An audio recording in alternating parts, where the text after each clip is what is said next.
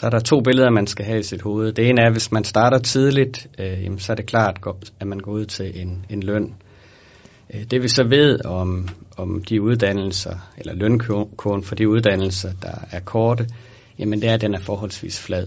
Og det er det her med, at du sådan rimelig hurtigt når dit slutlønsniveau. Øh, til gengæld har du så selvfølgelig den løn øh, meget lang tid.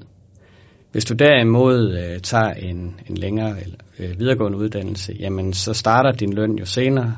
Den vil så typisk starte højere, og øh, så vil lønstigningskurven øh, være meget stejlere derefter.